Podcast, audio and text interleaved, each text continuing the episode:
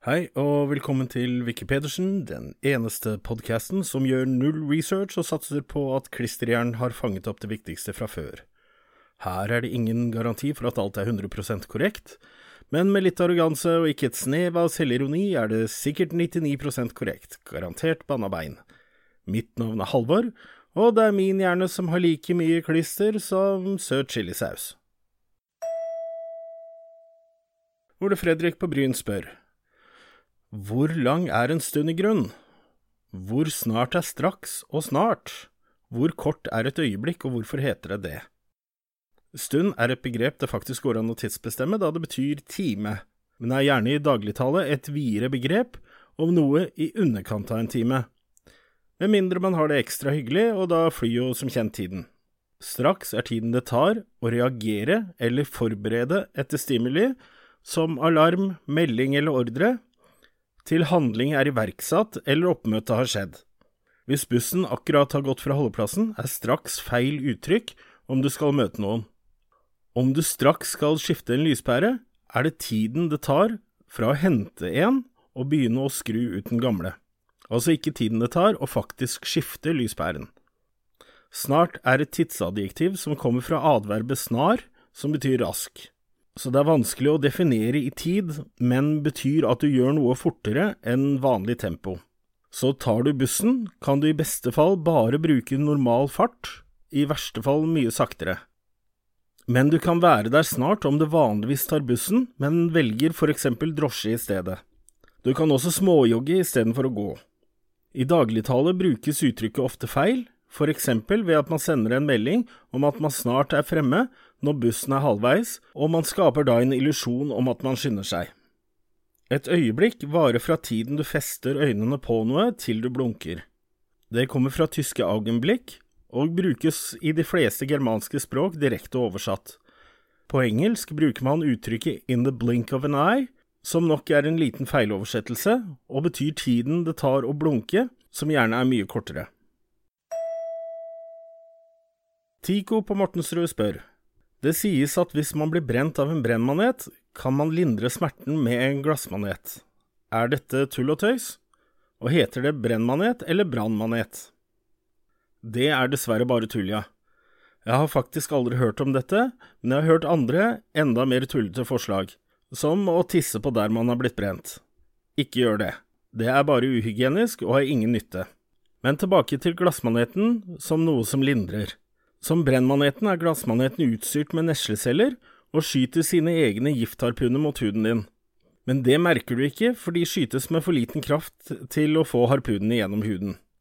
Andre maneter har både mer kraft i utskytingen av sine harpuner, og noen pumper også inn nervegift, som ikke bare gir store smerter, men som kan lamme hele kroppen, så vel som senteret i hjernen, som forteller kroppen at den må puste. Brennmaneten og den noe mer sjeldne blåmaneten er ikke så farlige, men de har veldig mange og lange tråder med millioner av nesleceller, så et møte med disse kan bli svært smertefullt. Man kan også brenne seg på nylig avkuttede tråder, da neslecellene er ganske autonome. Så hva gjør man etter et møte med en brennmanet? Kjøling av det aktuelle området kan lindre noe. Man kan også smøre på smertestillende salve som inneholder ibuprofen eller lignende, eller gjerne gni inn området med lidokain som er lokalbedøvende. Om du får en reaksjon som hevelse, bør du ta en tur på legevakta. Om reaksjonen er større, eksempel at du får problemer med å puste eller tap av bevissthet, har du fått en kraftig allergisk reaksjon, og ambulanse bør tilkalles. I dette tilfellet er det vanlig at man vet man er veldig allergisk mot forskjellige ting, og da har man gjerne en EpiPen, altså en automatisk adrenalinsprøyte, og dette er da tiden for å sette den. Heldigvis er det så vidt jeg vet ganske sjeldent å få alvorlige reaksjoner etter møte med maneter i norske farvann. Og ja, det heter brennmanet og ikke brannmanet, fordi den brenner andre, ikke brannmanet, for den holder ikke på å brenne opp. Et lite tips til hvordan du kan unngå litt mer eksotiske og farlige maneter i norske farvann.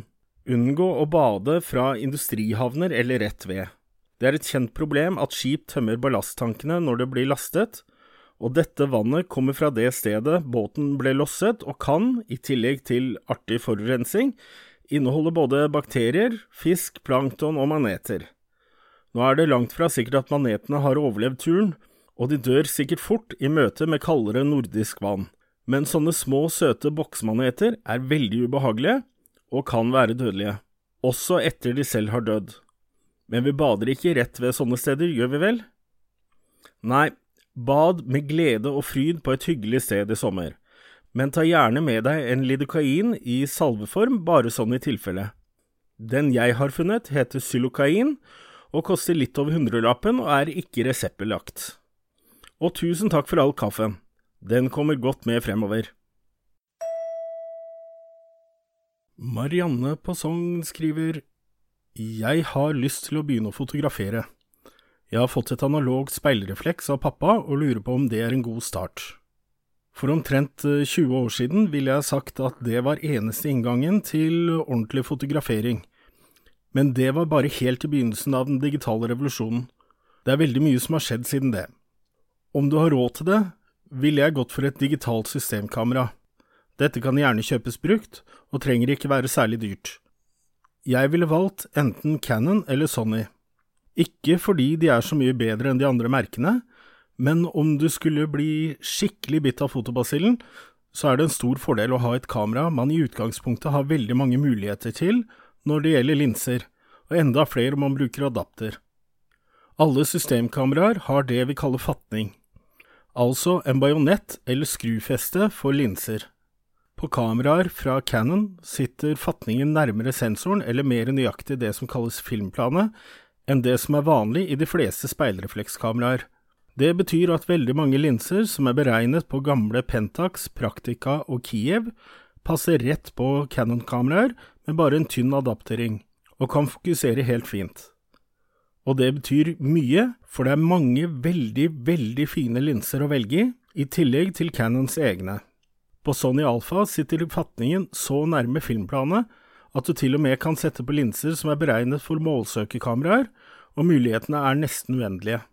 Dette er viktig, for det er linsa som til slutt er det som sender lys til sensoren og tegner bildet. Og linser oppfører seg forskjellig. Såkalt perfekte linser tar veldig fine bilder, men kan mangle litt der man ønsker litt mer personlighet. Gamle linser har gjerne det, og ønsker du å skille subjekt fra bakgrunnen, trenger du også en rask linse som slipper inn mye lys, og da er det penger å spare på å kjøpe brukt. Som oftest får du med en eller annen kit-linse, eh, gjerne en zoom, men for å lære seg å fotografere ordentlig trenger du en primærlinse. En billig linse som tar skikkelig fine bilder, er Canon sin absolutt billigste linse, som heter EF 50 mm 1.8. Den tar fantastiske bilder. Så er det bare å begynne å lese og se videoer. Det er veldig mange ressurser der ute, så finn ut hva du har lyst til å lære deg å fotografere, og les deg opp på det, og hvordan kameraet fungerer. Det første du må lære deg, er hvordan du fotograferer med halvautomatikk, heller enn grønn firkant eller P-innstillinger. Det er du som skal ha kontroll over bildene, ikke kameraet. Anbefaler at du søker etter hvordan fotografere manuelt på YouTube. Det er også en fotograf som heter Ken Rockwell, som er en fantastisk ressurs når det gjelder foto. Han har skrevet mange fine artikler. Det viktigste for meg har vært om utstyr og under fanen How to. Du finner ham på kenrockwell.com. Så blir spørsmålet når skal man begynne med analogfoto? Jeg anbefaler at man blir godt vant til å fotografere manuelt på digital speilrefleks først. Film og fremkalling er relativt dyrt, og om man vil gjøre mest mulig ut av det, blir det nok litt utstyrjag, for eksempel for å skanne negativer. Det kan også hende at man får lyst til å begynne med mørkeromsarbeid, og det kan jeg bekrefte at ofte er givende og hyggelig. Bor du i en liten leilighet, er nok ikke mørkerom hjemme et alternativ. Men det er fotoklubber rundt om som har sånt. Studentenes fotoklubb her i Oslo har jeg hørt er veldig bra, og de har også profesjonelle skannere for veldig nøyaktig digitalisering. Forresten er det ett kamera jeg har glemt å anbefale, eller rettere sagt et system.